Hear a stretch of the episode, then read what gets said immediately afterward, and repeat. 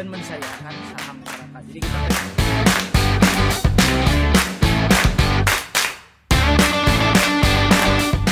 beda sama Jakarta kalau anak Bandung tuh pasti investasiin buat sekolah anak evolve into something new gitu. Kupu-kupu mungkin ke- Eh, ayahku tuh satpam gitu kan di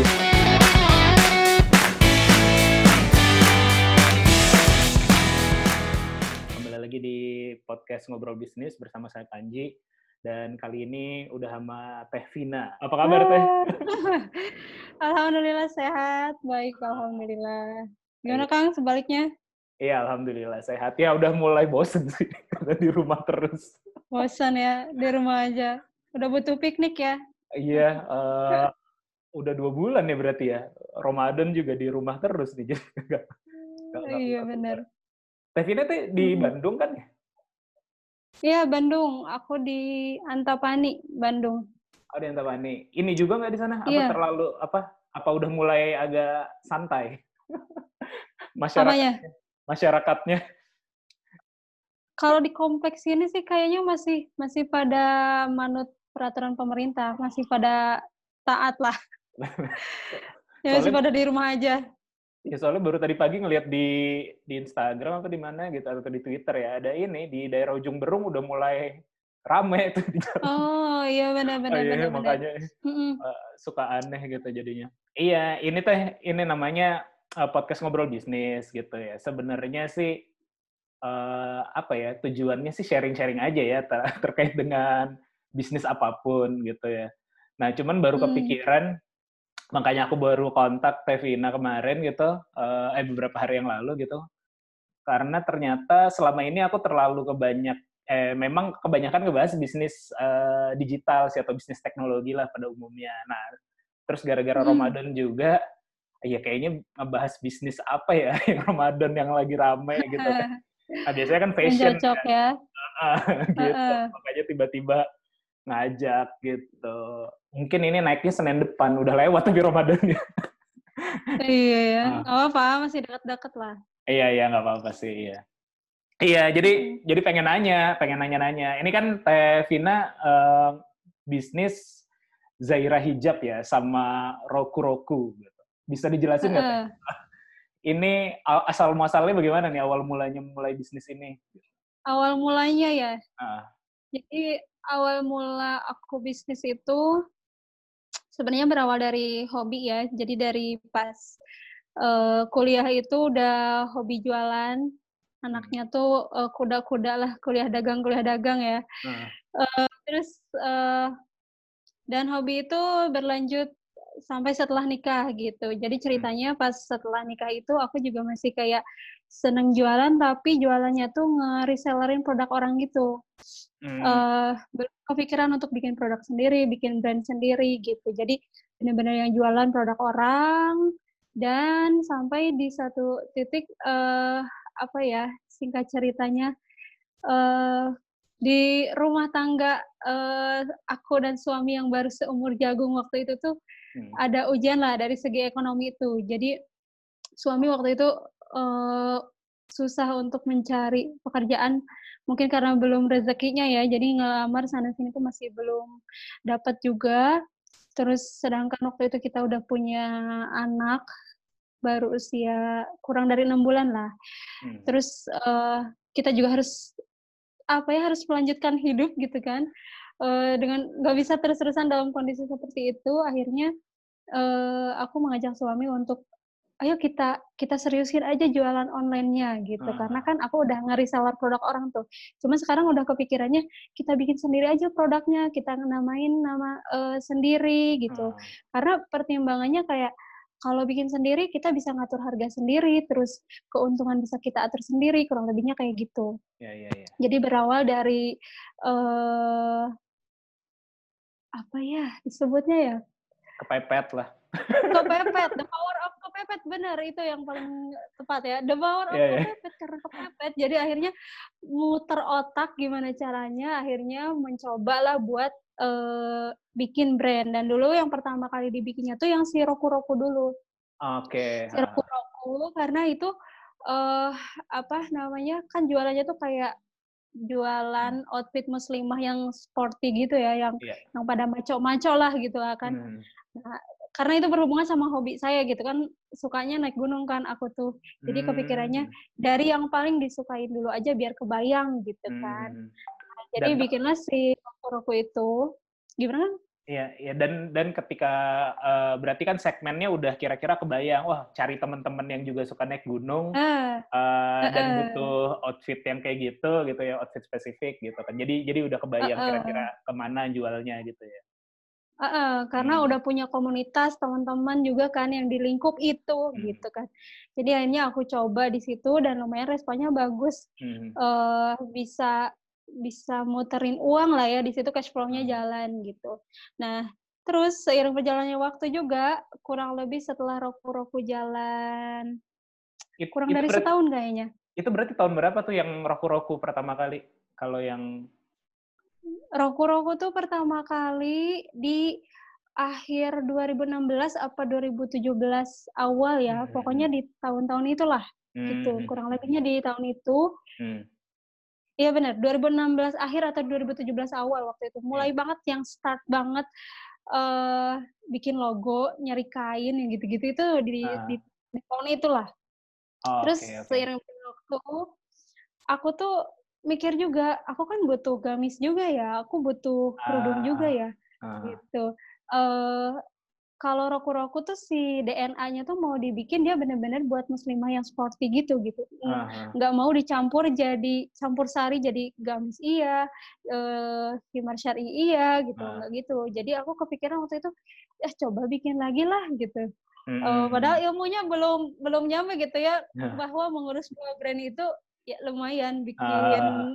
puyang gitu kan. Iya. Terus eh, waktu itu eh bikinlah, oh mending bikin aja lah satu lagi gitu di sana yang jualannya tuh khusus buat eh, gamis, gamis syari, himar karena aku butuh gitu daripada aku beli dari yang lain, aku mending Hmm. bikin sendiri. Aku mikirnya gitu dulu di awal tuh. Hmm. Akhirnya eh, bikinlah yang Zaira hijab ini. Jadi dipisah itu karena beda DNA bisnisnya gitu Kang. Jadi kalau Hmm. yang Zaira hijab ini yang buat muslimah yang syar'i, girly, Hmm. eh, gitulah, daily, pokoknya yang Ah, cantik-cantik lah ya, gitu kurang. Iya. Itu tadi kan di- dibilang berarti mulai sebenarnya ketertarikannya dari zaman kuliah ya. Eh, Mm-mm. ini kan kuliahnya di UPI ya kalau nggak salah ya. Iya, Ah, di UPI, jurusan UPI. jurusannya jurusannya apa teh? Nah, berbicara jurusan, jurusannya aku nggak nyambung dengan apa yang aku geluti sekarang. Ah, Jadi kuliah itu aku ngambil jurusan tata boga. Tata boga itu yang berhubungan dengan masak-masak ya. Oh. Iya. Jadi ke sananya Kenapa nggak bisnisnya masak ber- berarti? Ya, iya benar, aku juga bingung. Tapi masih punya cita-cita kok ke depan Oh, punya iya, iya. usaha Ah. kuliner. Ah, eh aku basicnya itu tata boga dan kan aku ngejalanin bisnis ini couple planner lah ya ceritanya sama Oke. suami juga benar-benar berdua. Dan suami juga background keilmuannya itu psikologi. Jadi nggak ada yang nyambung sama iya, sekali. Iya, iya, iya. yang satu psikologi satu tata boga. Ah, tapi emang dari kecil aku juga punya ketertarikan sama dunia fashion gitu kan kayak nge bikin bikin an- waktu kecil dari kecil tuh kayak bikin baju Barbie sendiri, Oh, iya, ngejahit iya. pakai tangan. Oh iya. Iya dari Ah. dari kecil gitu. Sempat waktu pengen pas mau masuk SMA juga sempat ngajuin ke orang tua pengen pilih masuk ke SMK Tata Busana waktu itu. Cuman Hmm. eh, orang tua menyarankan untuk jurusan yang lain gitu. Akhirnya ya udah mengalah. eh eh ketertarikan itu ya berlanjut aja gitu. Jadi senang aja Hmm. ngegelutinya sekarang karena emang senang gitu. Iya iya. iya. Walaupun nggak punya basic ilmu. ya nggak apa-apa sih. Sebenarnya kan sebenarnya kan bisnis apa ya aku juga kan kalau aku pertama kali mulai bisnis kan juga dari kuliah kan dan pertama kali dulu juga sebenarnya ya sebelum masuk saat ini ke bidang teknologi ataupun digital dulu awal-awal kalau aku bisnisnya juga di bidang eh, yang kaitannya sama fashion waktu itu jualan Oh, sepatu cewek jadi dulu eh, oh ya, satu cewek. Uh, dan dan karena dan karena kepepet juga sebenarnya ya pertama kali ya. Hmm, jadi- the power of kepepet. Iya, jadi ngambil dari pasar baru jual ke Jakarta. Uh, Orang tua kan di Jakarta, Oh. jadi uh, lumayan dulu lingkungan rumah di Jakarta tuh de- eh, sekitar rumah kebanyakan orang-orang tukang kredit yang yang apa namanya yang kontrak lah atau yang apa namanya eh, yang eh, ya yang kontrak di sekitar rumah dulu tukang kredit gitu. Jadi saya ambil dari Bandung sepatu-sepatu di pasar baru gitu kan yang se- berapa kodi apa yang eh, kulakan lah ya gitu mm. murah gitu saya bawa ke Jakarta saya titip ke mereka jualin kayak kayak gitu gitulah dulu awal-awal ya, dan Oh. power of kepepet juga cuman ya cuman kan itu kita nggak punya basic bisnis apa-apa ya pada waktu itu gitu mana akhirnya se- seiring berjalan waktu ya belajar juga dan mungkin membuat konsep yang lebih ajak lah bisnis yang lebih mulai mulai lebih serius lah kayak gitu Hmm. nah kalau kalau Tevina Hah? kenapa Enggak, enggak, lanjut. Oh, Lanjut aja, Kang. Iya, kalau Tevina kan tadi eh, pertama kali memang sebenarnya sih itu udah mulai memetakan ini ya, udah memetakan pasar sebenarnya secara tidak sadar kan. Eh, bahwa Heeh. dari dari kebutuhannya pertama kali terkait dengan rok-roku. Aku nggak tahu sih ini aku coba lihat lihat Instagramnya, ini jual rok celana gitu ya pada intinya. Iya. Nggak ngerti heeh. sih, nggak ngerti fashion cewek. Heeh, jadi itu Ah. yang biar tetap syar'i gitu lah pokoknya. Jadi Ah. yang buat pengen olahraga gitu-gitu. Ah, yang lebar gitu ya. Mm-mm. Ya, ya, ya. Kalau nggak salah istriku juga uh, ada sih yang kayak gitu, tapi buat kayak buat lari pagi atau buat apa kayak gitu ya biasanya ya. Hmm. Tapi biasanya uh, celana tapi ada tutupan roknya gitu, apa seolah-olah Uh, uh, kayak kayak tetap rok tapi sebenarnya dalamnya celana kayak gitu. Eh, Kayak gitu nggak sih? ya? Hmm. Beda ya? Kurang lebih kurang lebih kayak gitu. Ah, Kurang lebih kayak gitu kan. Oh iya iya iya. iya. Ya, Kalau jadi aku kelihatan kayak dilengkapin ah, dilengkapin sama outfit lain kayak kemejanya, kerudungnya Oh. gitu. oh, jadi bukan hanya rok aja gitu ya.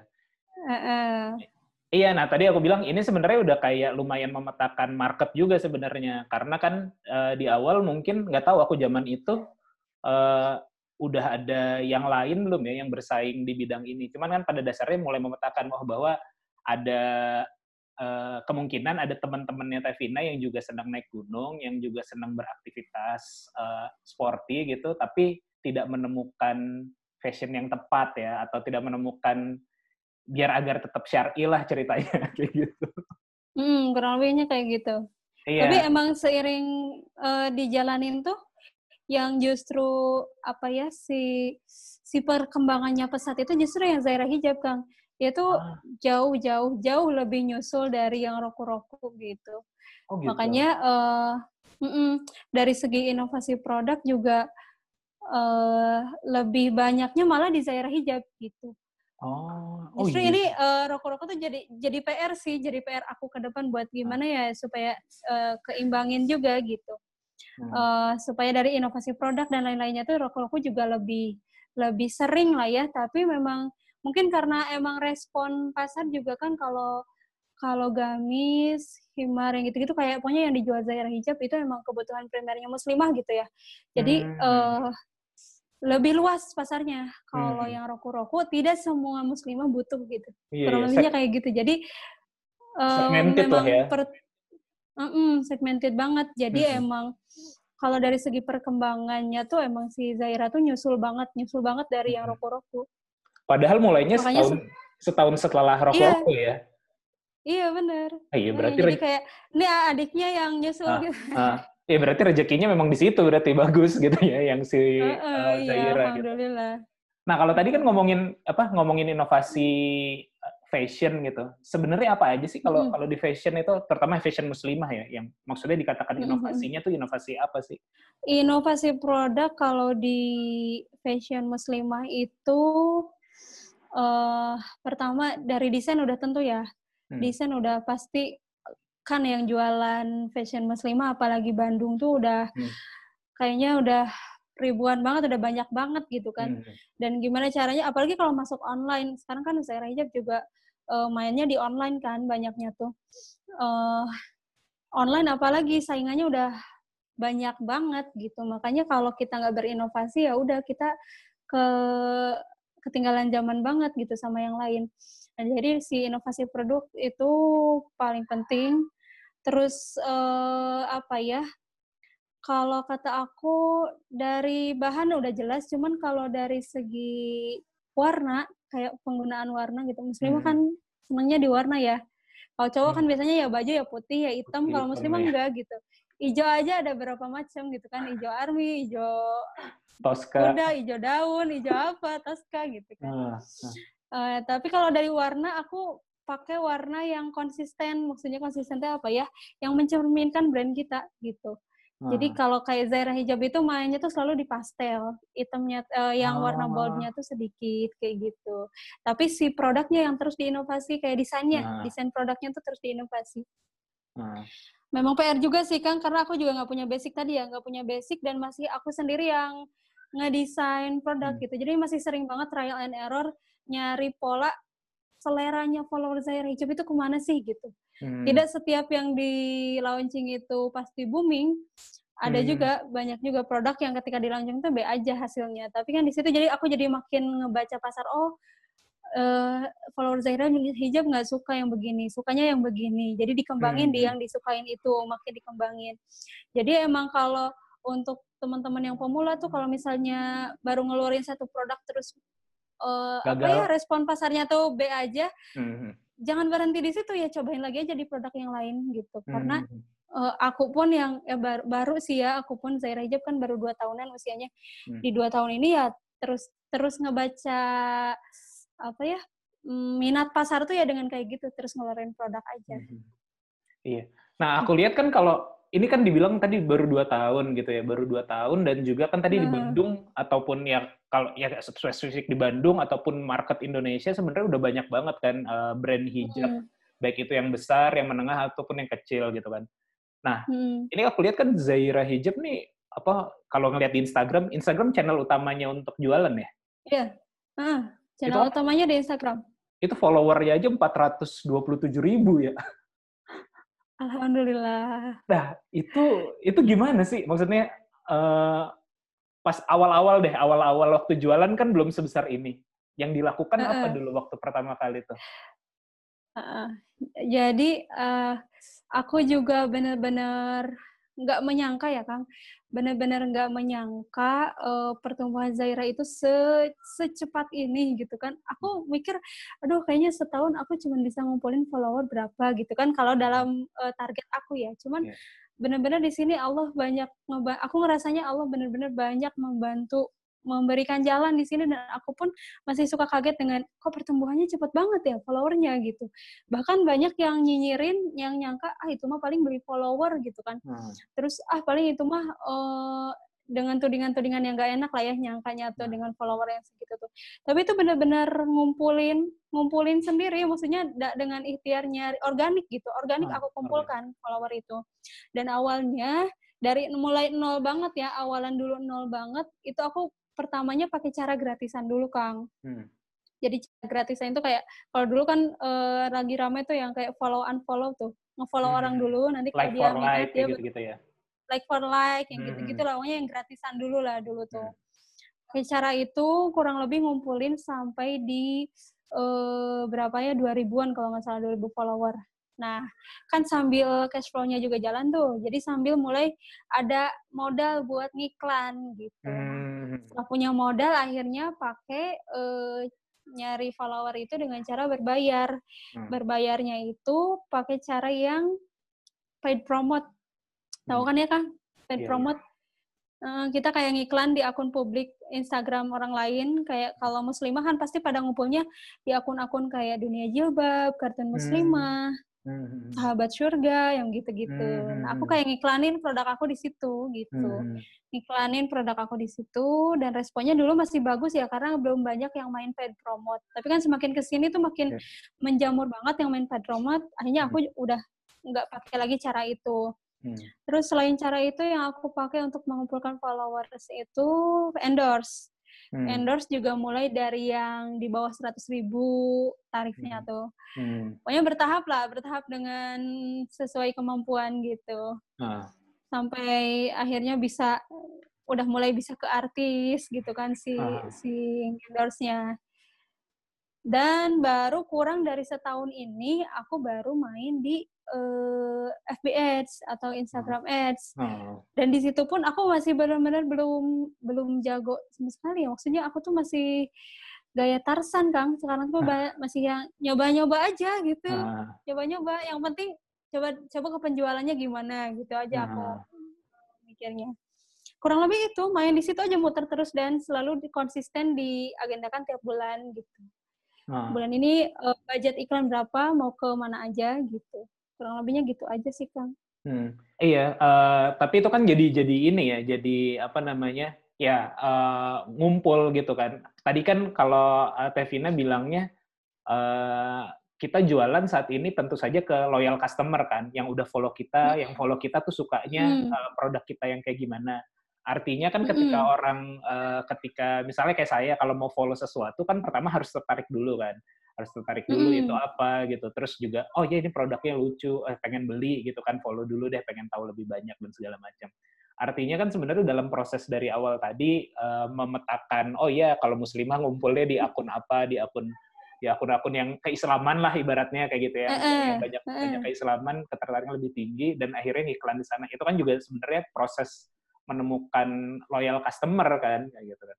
Mm-mm, bener Ah. nyari pas yang pas market yang pas Nah kalau kalau sekarang ini aja kalau kalau boleh tahu kira-kira kalau penjualannya kalau Zaira Hijab tuh per bulan eh, berapa ya teh? Maksudnya itemnya deh kalau kalau nggak usah rupiahnya gitu. ah aku malu masih Ah. sedikit loh kang maksudnya makanya aku malu deh Ah. ditanya-tanya di sini soalnya banyak teman-teman aku yang jauh jauh jauh lebih hebat lah dari aku Ya bisik-bisik aja teh. per bulan masih di bawah 5000 lah kalau Gitu di musim ini ya musim musim biasa bulan-bulan biasa maksudnya di bawah 5000 lah jauh di bawah 5000 Hmm. Tapi kalau Ramadan gini kan beda beda cerita ya kalau Ah. Ramadan. Kalau Ra- Memang kalau Ramadan tuh hajatnya. Nah, aku mau nanya itu sebenarnya. Kalau Ramadan itu atau Ramadan dan Idul Fitri ya, itu tuh memang ibaratnya kalau fashion, terutama fashion muslimah gitu, itu memang panen ya ibaratnya. Bisa dibilang gitu. ya? Iya, iya betul. Hmm. Memang momennya meskipun di tahun ini karena ada eh, pandemi Hmm. agak beda sih ya ininya. Eh, teman-temanku juga banyak yang apa ya banyak yang cerita memang ngaruh juga ke penjualan gitu, ngaruh ke penjualan nggak seperti tahun-tahun sebelumnya. Cuman kalau Zair Hijab kan baru ya Kang ya. Berarti Ramadan ini tuh Ramadan Ramadan keduanya Zaira Hijab Hmm. jualan gitu kan. Hmm. Jadi memang dan alhamdulillahnya waktu itu kemarin kita curi startnya itu sebelum pandemi mulai. Jadi kalau Zara Hijab kan Ah. produknya PO tuh, pre-order. Ah, Selalu pre-order. Aku juga heran kalau aku ready stockan itu kenapa nggak laku. Bukan nggak laku, be aja gitu ya. ah. Tapi kalau aku pre-order, banyak yang masuk gitu. Makanya eh, sejauh ini masih bertahan di pre-order. Hmm. Jadi aku ngeluarin series lebaran itu udah jauh-jauh hari gitu. Dari bulan Februari aku udah keluarin lebaran series tuh. Oh. Jadi orang udah pre-order dari situ gitu. Makanya ketika alhamdulillahnya ada hikmahnya itu ketika ada pandemi itu kalau aku memang sudah meng- sudah dalam proses ngerjain pesanan orang semua gitu. Alhamdulillahnya. Hmm, ah, iya, iya, iya. Itu menarik sih ya.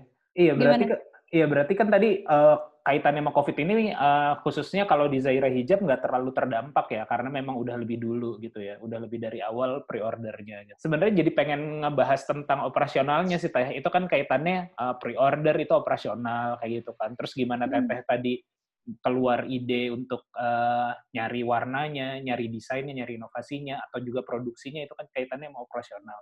Saat ini gimana sih kalau eh, Teh Vina? Dari awal karena awalnya tuh niatnya karena ini ya Kang ya, kayak karena keterbatasan modal. Hmm. Jadi aku pre-orderin produk yang mau aku jual. Hmm. Karena biar kebantu dari segi modal dulu gitu kan, kalau pre-order kan. Ah, Karena itu itu kalau eh, pre-order eh, gambarnya aja atau memang udah ada contohnya yang di display? ada gitu? contohnya. Oh, ada contoh. Jadi buat Hmm, satu dulu ah. lah ibaratnya gitu ya. Iya, iya. Ah. Jadi aku mm, mendesain dulu satu produk, terus Ah. habis itu eh, bikin sampelnya satu sampai benar-benar fix gitu ya. Sama pilihan warna yang lainnya tentunya kalau misalnya Ah. produk itu ada lima ya bikin masing-masing minimal tiap warna itu ada satu sampel, terus kita Ah. bikin eh, photoshoot produk, foto produknya, terus Hmm. habis itu kalau misal kita pengen endorse endorse, berarti bikinin juga khusus untuk para endorsernya, Hmm. eh baru kita launching produknya gitu dan dengan sistem pre-order. Hmm. Awalnya dengan niat itu, dengan niat supaya kebantu modalnya, cuman eh karena keseringan PO jadi orang tuh kayak udah terbrand, oh kalau di Zaira Hijab itu memang selalu PO pre-order gitu. Ah. Kadang aku ngeluarin ready stock aja orang nanya, "Eh, ini pre-order berapa lama? Oh enggak mbak, ini ready stock gitu. Karena Ah. orang udah terbrandnya kayak gitu. Ah. Dan eh, catatannya kalau misalnya pengen pre-order kayak gini, produknya tuh harus benar-benar punya sesuatu yang unik, Kang. Kuncinya di situ. Kalau mau main di pre-order harus uh, ada sisi uniknya karena kalau sama aja kayak yang lain ya udah orang kenapa harus PO lama-lama di toko ini ya udah di Hmm. toko yang lain aja ada gitu. Ya sejauh ini ya alhamdulillah sih. Eh, aku pertahankan di inovasi produknya harus benar-benar kuat supaya eh, orang punya alasan kuat untuk kenapa mereka harus beli produkku dan antri gitu. Iya, iya. Eh, proses pengerjaan juga kan lama tiga minggu sampai sebulan. Paling cepat itu- dua minggu. Oh, itu berarti PO nunggu sampai barangnya jadi dan diterima itu dua minggu sampai satu bulan gitu ya? Paling cepat dua minggu, Iya. lama satu bulan. Iya, dan itu Nah. aneh sih. Maksudnya, eh, rahasianya apa ya? apakah kekuatan di merek? Apakah kekuatan di... gini, eh, istriku juga pernah, atau orang tuanya, mertuaku gitu ya, pernah PO, tapi atau mereka pernah PO, tapi kayak model-model kayak tas, kayak gitu. Kalau di Bandung tuh Hmm. kan ada kayak, apa sih namanya tuh yang di BIP? eh Papillon ya merek-merek tas kayak gitu. Itu kan Oh, nunggu kayak tiga bulan tuh kayak gitu. Cuman aku tanya kenapa sih? Kenapa nggak beli yang di toko mana? Gitu itu udah ada gitu. Harganya mungkin kurang lebih bisa sama lah gitu. Tapi mereka juga sulit menjelaskan gitu. Ya apa ya karena mungkin eh, kulit atau karena memang mereknya atau apa nah kalau orang ke Zaira Hijab tuh apa sih toh kan bayarnya juga bayar cash kan nggak nyicil mereka gitu. Iya bener. Nah iya kan, Iya. kenapa nggak milih produk yang udah ada di toko gitu, Ya yang udah ada, ya udah dari di stok gitu. Rahasianya apa tuh teh kayak gitu? Apa ya? Aku juga bingung kenapa ya pada mau ya. Ya alhamdulillah gitu. Cuman eh, kalau yang aku apa ya? Mungkin kesimpulan sementara aku ya tadi Kang inovasi produknya kayak wanita itu sangat sangat apa ya? Apa istilahnya tuh? Sangat sensitif dengan baju. Kalau kata cowok Hmm. tuh itu tuh sama aja kayak toko lain enggak di mata perempuan tuh Hmm. enggak kayak gitu. gitu. Eh, desain baju sedikit aja tuh beda makanya di inovasi produk yang selalu aku coba kuatkan gitu jadi Ah. itu jadi alasan orang kenapa pengen belinya di aku karena di yang lain tuh belum ada gitu Oh, walau dan- alam ada apa enggak gitu ya cuman aku selalu ngedesain baju tuh jangan bang jangan sama banget sama sama yang lain gitu pokoknya harus ada sesuatu yang beda yang ini baru ada di Zaira Hijab gitu Oh, berarti itu dari sisi model gitu, modelnya gitu atau apanya gitu. ya? Hmm, desain desain produk kali Desain ya. Karena ya. sejauh ini riset kalau misalnya produk udah nyampe ke konsumen juga yang banyak di di apa ya, yang bikin tes, testimoni konsumen puas itu Hmm. selain di desain produk, di bahan biasanya. Itu yang banyak masuk sih. Dan kayak mereka tuh Hmm. kayak "Eh, aku udah empat kali PO di Zaira Hijab dan masih ketagihan katanya. Banyak yang suka bilang kayak gitu. Ah. Alhamdulillah.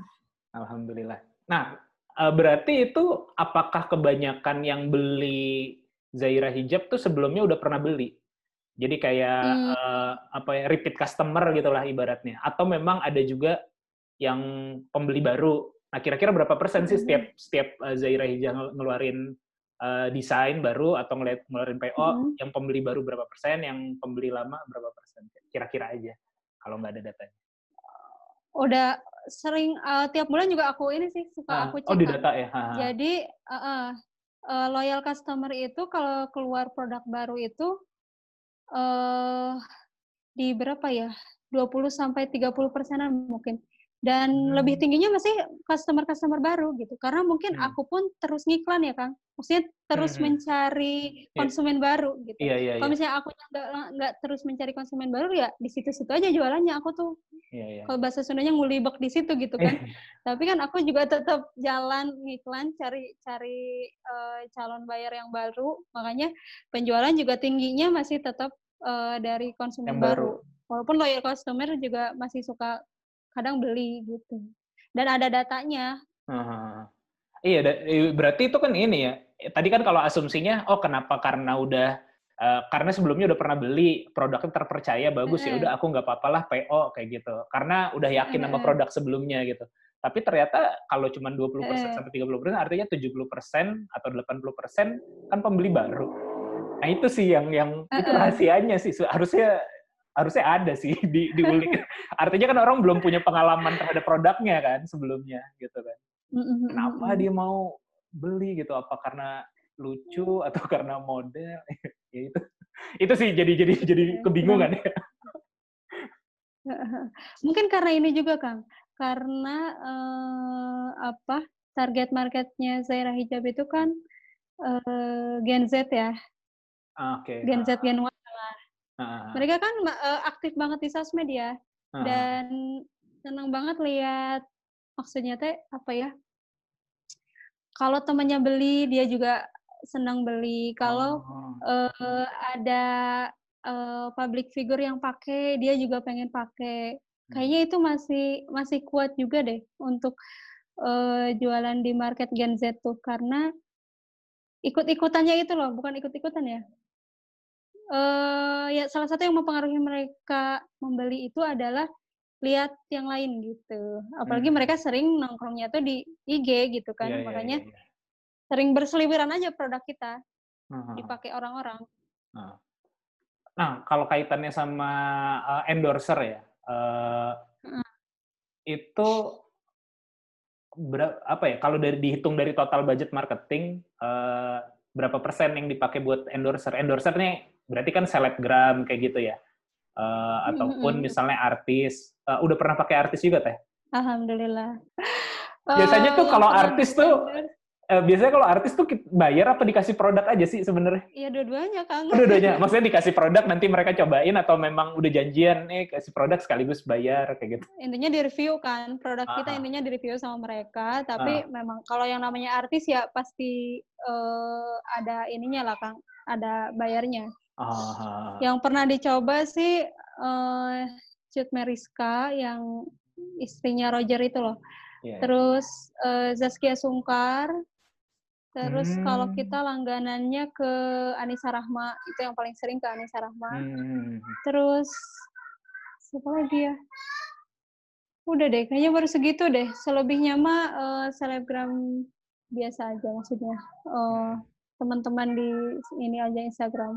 Eh, biasanya habis kalau di endorse kayak gitu eh, langsung naik tuh ya eh, following follower ataupun pembelian biasanya langsung meningkat kayak gitu. eh belum tentu juga Kang, kitanya yang Hmm. harus benar-benar pilih-pilih. Maksudnya eh, kita dalam menentukan endorser juga harus eh, apa ya cari yang follower dia itu meng- menggambarkan atau target market kita gitu. Hmm. Kayak misal kalau kalau nggak salah misal aku kan tadi Gen Z ya. Hmm. eh misal ke siapa ya yang tidak Gen Z? Yang udah ibu-ibu misal artisnya ya Kang ya? Yang udah Ya pernah kan aja kan misalnya. kan? Yang udah pernah ada yang gagal juga nggak? Ah nggak mau. Itu rahasia, Kang. Tidak lah, tidak, tidak. Eh, kurang lebihnya kayak gitu Kang. Jadi Ah. dalam menentukan endorser juga kita harus pinter lah. Maksudnya Nah, eh, follower dari artis ini kebanyakan di usia berapa, minatnya ke mana, gitu. Kan harus cocok kalau mau feedback yang masuk ke kita juga bagus, gitu. Kalau kita Ah. ngasal-ngasalan ya hasilnya juga ngasal, Iya, iya, iya. gitu. iya. Atau kita bisa manfaatin momen kayak kalau artis mah baru nikah misalnya. Nah, kalau baru nikah gitu kan banyak yang Oh. kepoin, kita bisa masuk di Ah. situ. Iya, Cuman iya. biasanya udah antri sih banyak yang banyak yang apa namanya udah daftar juga misalnya all shopnya. Oh, Tapi eh, itu kita bisa manfaatin momen juga di situ. Iya, iya, iya, iya. iya. Oh iya, iya. Itu strateginya bagus banget sih. Jadi memang kan, iya betul ya, kalau orang, apa, artis habis nikah tiba-tiba, mungkin Hmm, rezekinya kan mereka suka- juga ya. Berarti rezekinya mereka juga, Iya. karena habis habis nikah jadi jadi orang endorsan langsung banyak gitu kan. Eh, Iya, karena kan banyak diliput biasanya ya, banyak Ah. diinfokan, terus orang jadi kepo, oh siapa nih yang baru nikah? Ya gitu kan. Dikepoin sosmednya kan. Kalau dari sisi, tadi, kalau dari sisi uh, budget, kalau untuk marketing biasanya lebih eh, proporsinya lebih banyak untuk yang biaya untuk endorse atau eh, Facebook Ads atau eh apa Instagram Ads atau atau apa gitu? Kalau aku eh, memetakannya tergantung yang mana yang lagi bagus sekarang gitu kan. Misal kalau dulu-dulu saat paid promote lagi bagus banget, Hmm. itu hampir 90% aku alokasikan ke situ.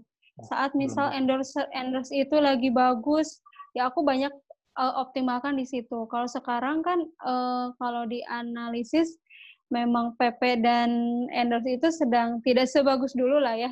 Intinya sudah tidak sebagus dulu dan eh, banyak mainnya itu sekarang orang tuh di ads kan. Makanya Hmm. kalau sekarang aku banyakin budgetnya di ads meskipun aku tuh belum jago makanya Hmm. PR-nya adalah belajar atau nyari yang pinter buat diajak gitu. Iya. Kalau sekarang di di ads iya, di ads yang banyaknya. Hmm.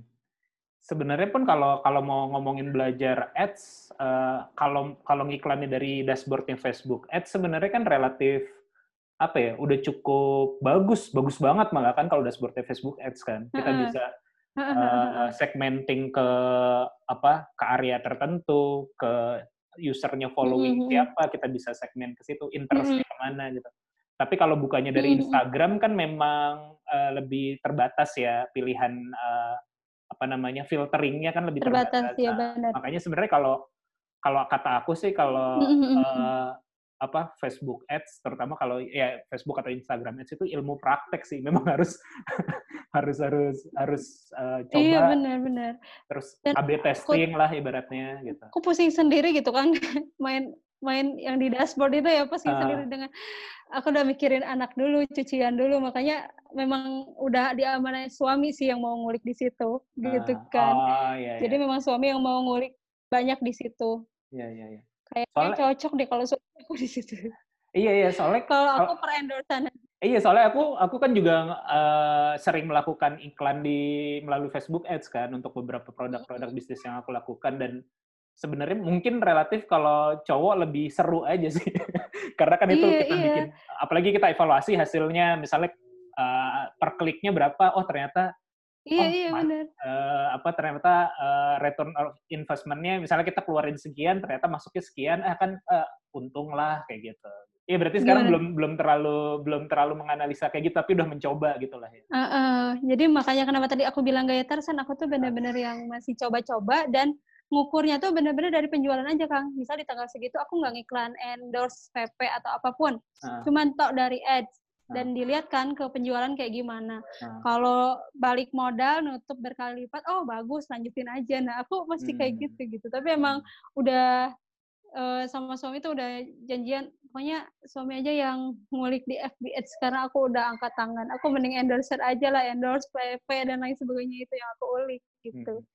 Iya, nanti Kayak mungkin gitu bisa sharing marketing. sharing-sharing teh apa sama suaminya saya relatif eh, lumayan lah kalau di situ.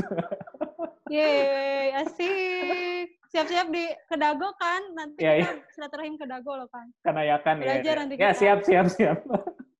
Iya apa? Eh, Karena itu ini sih zaman sekarang tuh menurutku eh, itu udah disiapin dengan bagus banget ya sama Facebook ya. Karena kan mm, mm, mm. tadi filteringnya lah, terus kita segmennya seperti apa. Bahkan sebenarnya bisa double ini teh, bisa double eh, double apa ya? Ibaratnya bahasa umumnya tuh kita bisa dua layer gitu loh. Pertama kali misalnya kita iklan Eh, untuk orang umum Eh, dengan misalnya eh, Heeh. dengan dengan apa ya? Dengan model aja. Nah, nanti kita bisa ngiklan lagi ke orang-orang yang udah pernah nge-visit profil kita gitu misalnya. Jadi bisa lebih Iya iya benar-benar. bisa lebih di double lagi. Nah, itu kan jadinya eh, apa ya? Biasanya kan kalau udah nge- nge-visit profil kita berarti kan udah pernah udah tertarik kan. Itu kan kalau diiklanin lagi Mhm. misalnya iklan layer 2-nya adalah promo nih kalau sampai tanggal sekian harga eh, potongan 20% atau berapa, itu kan jadi lebih nge-trigger lagi mereka untuk beli.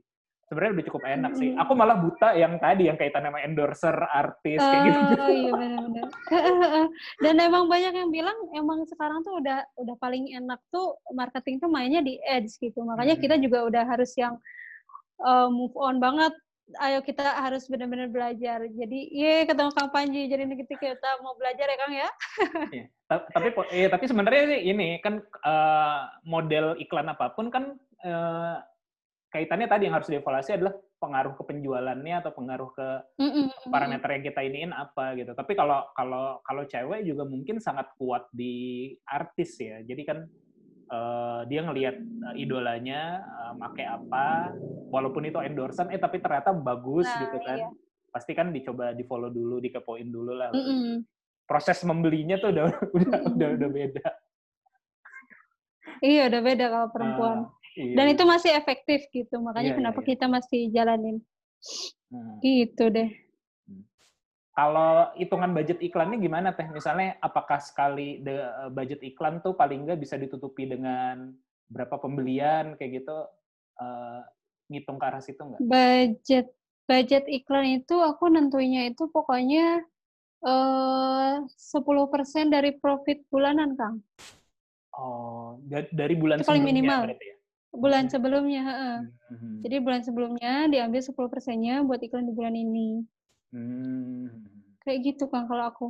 Oh, berarti bukan dari misalnya bukan dari omset ya. Kalau misalnya kan eh, aku ngiklan sekian eh apa eh, paling enggak kalau udah ada 10 atau 5 apa 100 pembelian itu udah balik modal kayak gitu. Eh, berarti ngitungnya dari profit tahun eh bulan sebelumnya gitu ya. Ya, yang menarik, menarik. Ini aja apa?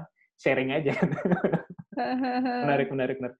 Nah, kalau kaitannya sama ini tadi kan dibilang bilang eh, Tevina bilangnya ini kan couple planner ya. Jadi ibaratnya suami istri mengerjakan ini. Itu secara Mm-mm. apa ya? Secara rumah tangga bagaimana itu? Secara rumah tangga gimana, Kang? Maksudnya bagi-bagi tugasnya kah atau terus Oh. Eh, ya kan tentu Eh. saja punya peran selain ini kan, peran selain eh, Mm-mm. businesswoman lah ibaratnya di rumah kan eh, berarti kan eh, mengurus suami juga, mengurus anak juga gitu kan. Mm-mm. membagi perannya bagaimana terus tapi kan suami juga di sini jadi kan ibaratnya kalau saya kerja bareng sama istri saya saya tahu aktivitas dia Eh, jadi kadang-kadang misalnya kalau saya misalnya kerja bareng ah gue berarti nggak bisa nuntut terlalu banyak karena kita tahu sama-sama sibuk kayak gitu kan kalau kayak gitu gimana tuh Teh, biasanya Eh, Jadi kalau aku hmm, pertama nentuin dulu porsinya ya, maksudnya tugasnya apa aja. Jadi kalau di sini aku tuh bagian yang tadi marketing, terus kayak inovasi produk. eh, kalau suami itu megangnya di bagian produksinya yang berhubungan sama eh, rumah produksi, kepala produksi, eh, supplier kain dan lain sebagainya. Nah itu suami di situ, gitu. Oh. Jadi eh, karena emang kantor juga kita masih di rumah kan, terus tinggal juga di situ, jadi terus anak juga masih satu, Hmm. masih leluasa lah ya, gitu. Jadi eh, benar-benar bagi tugasnya tuh kalau misalnya bagian aku yang kerja, eh, berarti eh deal-dealan aja suami sama anak gitu. Kalau misalnya eh, suami yang bagian kerja, berarti aku yang sama anak gitu Hmm. dan masih terus terus berbenah ya maksudnya karena karena eh, apa lumayan juga ujiannya karena bareng-bareng terus di sini kan gitu Hmm. harus sama-sama saling paham saling mengerti dengan tugas masing-masing Hmm. gitu sih kang ngebagi tugas yang jelas ada ada jam kerja khusus nggak jam kerja khusus kayaknya mm, enggak deh kita karena Hmm. eh, apalagi aku ya dengan tuntutan ibu seorang istri yang ngurus Mhm. rumah tangga juga jadi benar-benar kalau tugas rumah tangga anak udah beres saya Hmm. lanjut di sini gitu tapi lihat sikon juga kayak gitu Hmm. kalau misalnya sekarang memang yang prioritasnya suami nih suami harus ngurus ngontrol dan sebagainya di Hmm. produksi ya berarti aku yang menunda dulu pekerjaan jadi memang skala prioritas juga sih siapa yang Hmm. lebih prioritas kerjaannya untuk dituntaskan Oh, kalau kalau sekarang udah ada tim admin juga belum teh? udah udah udah Udah, udah ya. udah berapa berarti ya admin tuh tiga kadang tiga kadang empat satunya freelance Hmm, oh berarti lumayan banyak juga ya menghandle menghandle segitu banyak orderan ya. Ya kurang lebihnya begitu Nah, iya sih itu menarik banget sih sebenarnya. Dan eh, apa ya kalau di dalam dalam eh, misalnya mungkin kan cara paling enak adalah misalnya kalau dibatasin jam kerja kalau di atas jam 8 atau di atas habis maghrib mah nggak ngurusin kerjaan kayak gitu-gitu kan sebenarnya kalau kalau idealnya ya cuma cuma kan pada kenyataannya mungkin sul- mm. sulit ya apalagi udah ada anak iya gitu ya. sulit lah kayaknya memang pebisnis itu nggak punya jam kerja ya, bener nggak sih Kang? Malam-malam kadang masih nggak mi- mikirin, kadang Hmm. maksudnya tuh nggak bisa dibatas gitu. Kadang 24 jam tuh kepikiran terus gitu. Apalagi kalau kantor kita masih di rumah ya, masih pekerjaan itu yang belum selesai masih suka kelihatan. Hmm. Cuman ya eh, apa? Kalau kayak tadi misalnya Ba'da Maghrib ya itu udah udah jelas sih. Eh, kita udah nentuin waktu kapan waktunya sama anak, kapan eh, harus bisa kerja gitu. Cuman kadang kalau anak udah tidur, tetap aja kita masih cari-cari waktu buat tetap ngerjain yang memang harus Hmm. dikerjain gitu. Iya, iya, iya, iya. Iya sih, iya, iya. Iya, soalnya maksudnya apa namanya? eh, biar biar lebih eh, rapi karena kan kita harus manajemen ini juga kan. Ya tadi jangan sampai eh, seluruh hidup kita habis untuk pekerjaan aja kan. Sebenarnya kan banyak walaupun ya tadi Iya. bener juga sebagai pebisnis memang kadang-kadang kita malam juga masih masih kerja dalam tanda kutip eh, walaupun paling nggak mikirin doang. Cuman paling nggak secara aktivitas fisiknya misalnya di, di depan laptopnya lah atau di depan misalnya kalau nggak desain Hmm. mungkin ngegambar atau komunikasi dengan eh, apa namanya dengan orang-orang mungkin dibatasi. Kayak gitu sih. Cuman ya pada kenyataannya sulit juga sih tantangan terberat apa teh yang jalanin ini? Ini udah udah dua tahun jalan nih dan ada dua produk kan sekarang eh, Roku Roku sama Zaira Hijab. Tantangannya apa teh kalau saat sampai saat ini? Tantangan terberatnya apa ya? Mungkin karena aku pun sebagai tadi ya perannya peran utama aku sebagai ibu, sebagai istri dan di sini tuh bukan tugas wajib gitu perempuan nggak punya eh, kewajiban untuk eh, bekerja sebenarnya kan.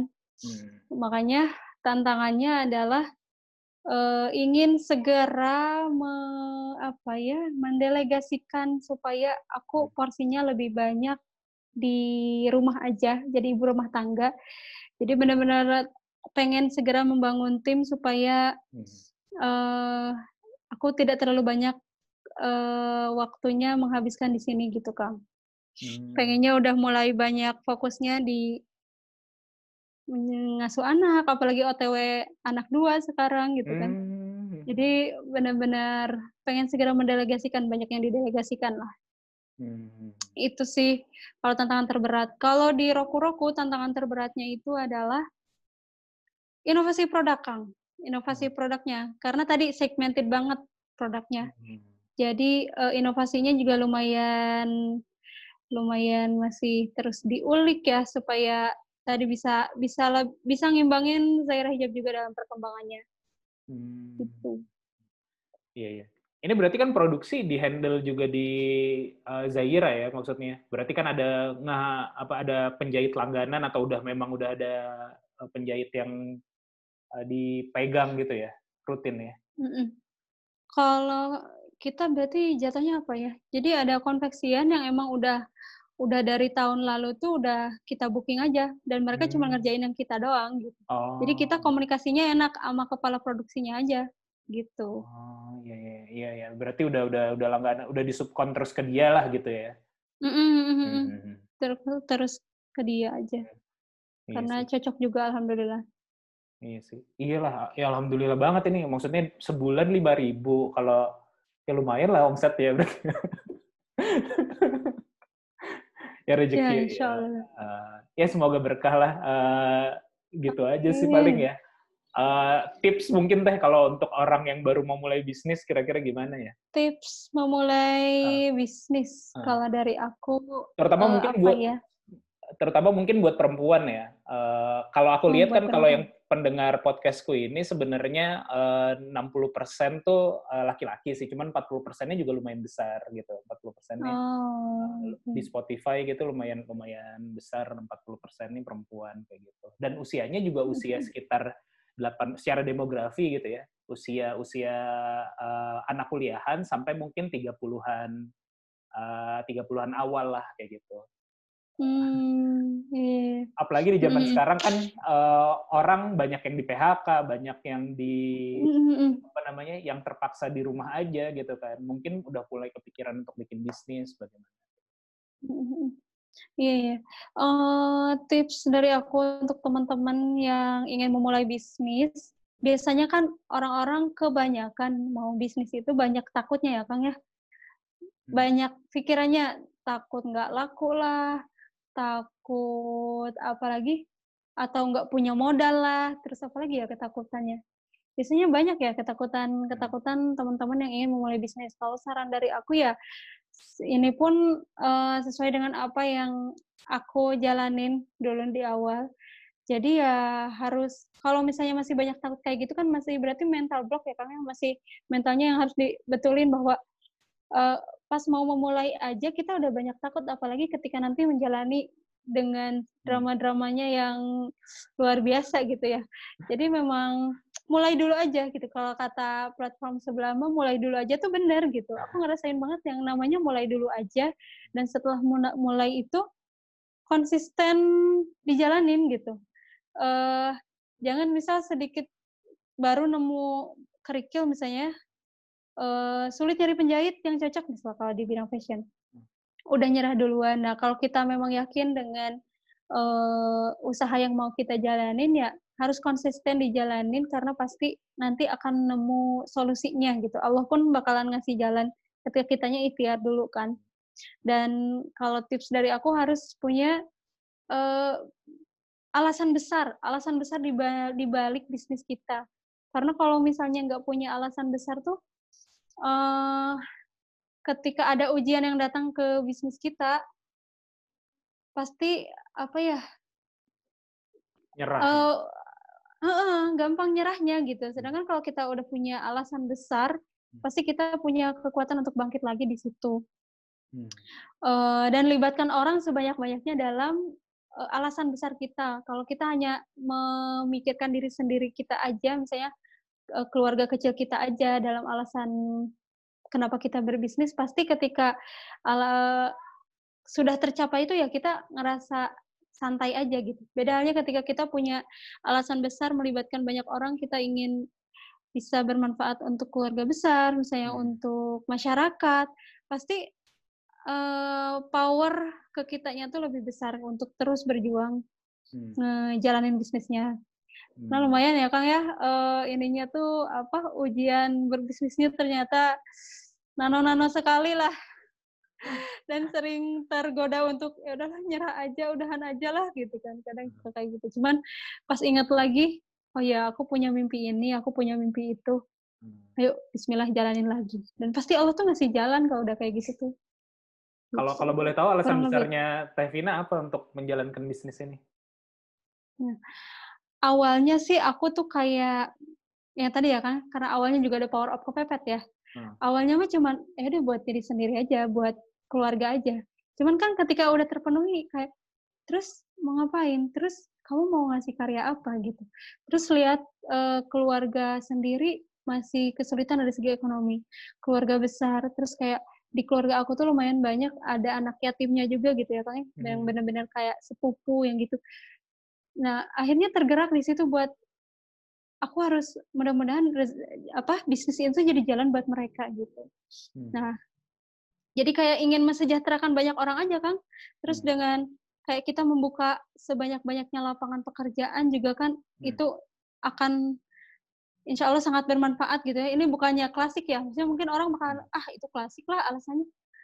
Hmm. Tapi buat aku enggak, memang itu jadi spirit buat aku gitu. Hmm. Terus kalau dari segi produk kayak kan Zaira Hijab ini sama Roku-Roku nyediain produk-produknya tuh yang Syar'i. syar'i-syar'i ya, Kang, ya. Hmm. Ya mudah-mudahan ini jadi jadi ladang pahala aku di sini gitu. Aku menyediakan pakaian untuk para muslimah supaya mereka menutup aurat. Mudah-mudahan dengan itu kita pun penyedia bajunya tuh kecipratan pahalanya gitu karena menyediakan Hmm. baju yang sesuai syariat.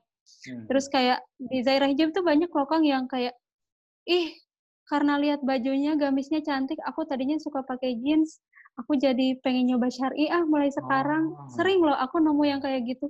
Dan itu tuh bikin terharu gitu Kang ya. Oh. Ih alhamdulillah bikin Hmm. orang jadi semangat buat syar'i gitu kan. Hmm. Makanya dari situ tetap tetap semangat buat menghadirkan produk tuh kayak eee, mudah-mudahan jadi jalan, eee, orang buat tergerak hatinya buat syar'i gitu. Hmm.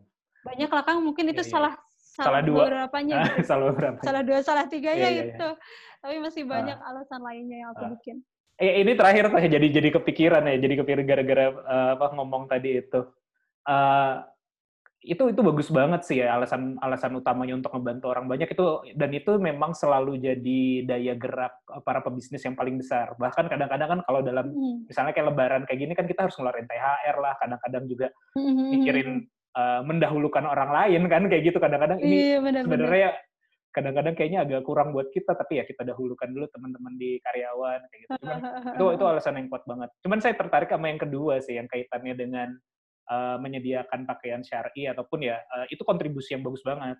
Cuman saya ingat dulu saya tuh uh, uh, Tevina angkatan berapa sih? 2000 2000 berapa? Angkatan masuknya kuliahnya? tebakang Aku tadi lihat di Facebooknya sih. nggak, nggak tebak-tebakan. 2000 Iya, berapa tuh? elah. 2010 aku Oh 2010. Ya aku 2006. Hmm. Aku 2006. Eh, oh kalau 2006 berarti kayak suami aku Kang oh iya. suami aku Eh, 2006 eh, di UPI UPI. juga. Di UPI juga. Mm-mm, Upi Aku dulu sering main ke UPI, eh, sering lah lumayan. Eh, ada kegiatan-kegiatan kalau ke UPI gitu kan. Jadi masjidnya kan gede, enak di situ.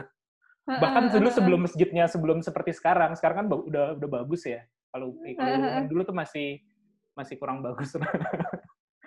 iya iya, aku aku tertarik gini kan kalau zaman zaman aku nih 2006 atau mungkin 2010 juga mulai eh, belum terlalu ya. Eh, fashion muslimah tuh tidak seperti sekarang kan. Kalau sekarang tuh kayak apa ya? Kayak trendy gitu lah ya, eh, gaya gitu. Eh, Kalau Mm-mm. dulu tuh eh, Mm-mm. uh, punten ya maaf maaf kalau dulu tuh jelek gitu maksudnya bajunya hanya hanya sekedar uh, sederhana gitu ya sederhana oh iya oh itu bahasa yang bagus ya ya maksudnya tidak ada model lah tidak ada model banyak gitu Ah, makanya ah, ah. mungkin di satu sisi orang jadi orang yang misalnya perempuan terutama gitu ya perempuan yang ingin Hmm. berhijab uh, khawatir karena takut terlihat uh, sederhana kuno atau terlihat Kuno kuno, gitu kan. ya, ya. Nah, cuman kan Ah. sekarang eh, dengan adanya banyak fashion eh, muslimah, termasuk Zaira hijab juga, jadinya eh, itu jadi terdorong gitu kan. Bisa jadi ada trigger, oh iya ternyata masih bisa eh, tetap modern, tetap apa ya tadi istilahnya tetap bagus. gitu. fashionable gitu kan ya Ampun. ya tetap fashionable gitu.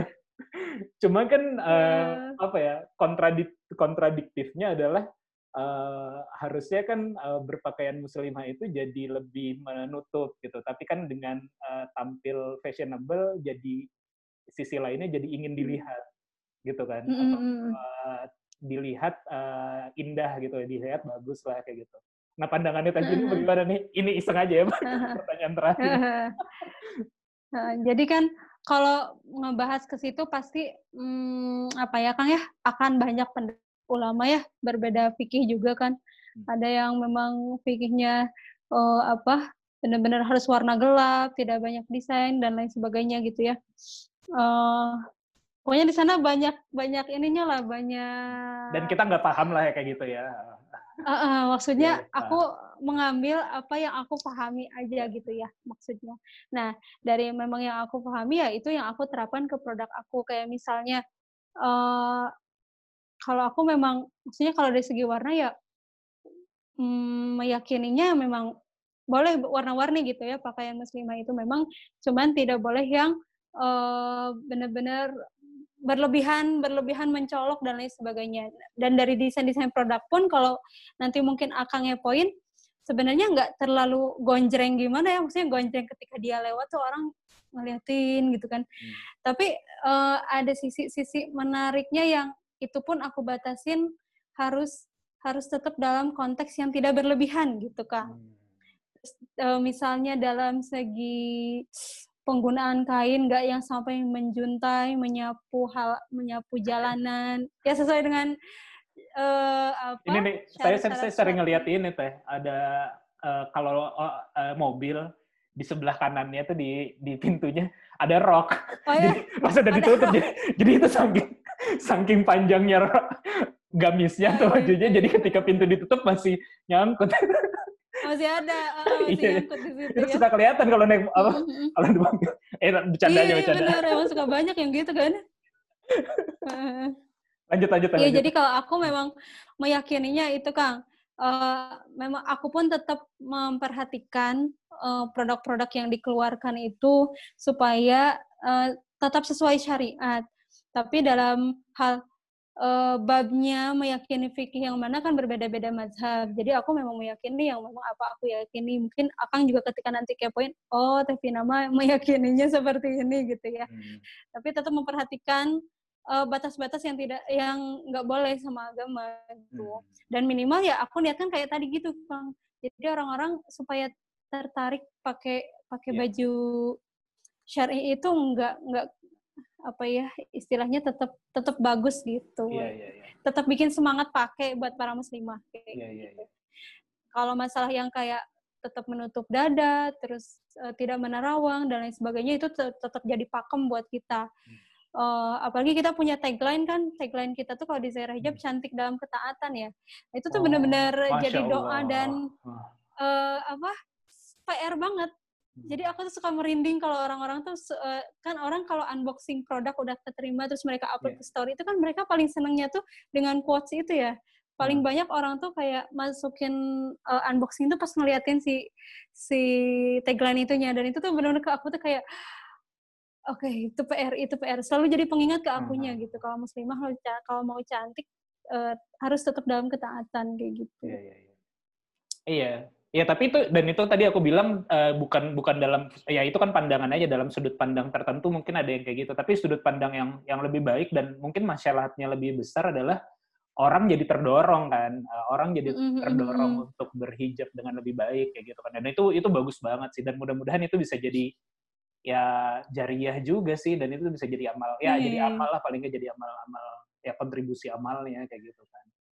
Mhm mhm. Nanti aku coba kasih tahu istriku untuk lihat-lihat etalasenya deh. Iya, Kalau boleh boleh boleh. kalau boleh. aku jangan deh. biar biar dia biar dia dia Biar kalau mau istrinya aja lah. iya ya biar dia milih-milih sendiri. Oke, thank you banget teh. Eh, siap. Iya, sama-sama. eh, sharingnya menarik. Mudah-mudahan juga menarik buat yang dengar. Eh, makasih banget Mm, sekali lagi. Amin, amin. Eh, ini nanti aku closing, eh, aku matiin re- recordingnya dulu. Nanti baru kita kita eh, pisah-pisahan setelah itu. Eh, aku tutup dulu ya. Teh, ya. Siap. Terima kasih yang Iya, udah oke, siap. eh, terima kasih yang udah dengerin podcast ini sampai akhir. Eh, semoga ada manfaatnya. Sekian dari kami. Assalamualaikum warahmatullahi wabarakatuh.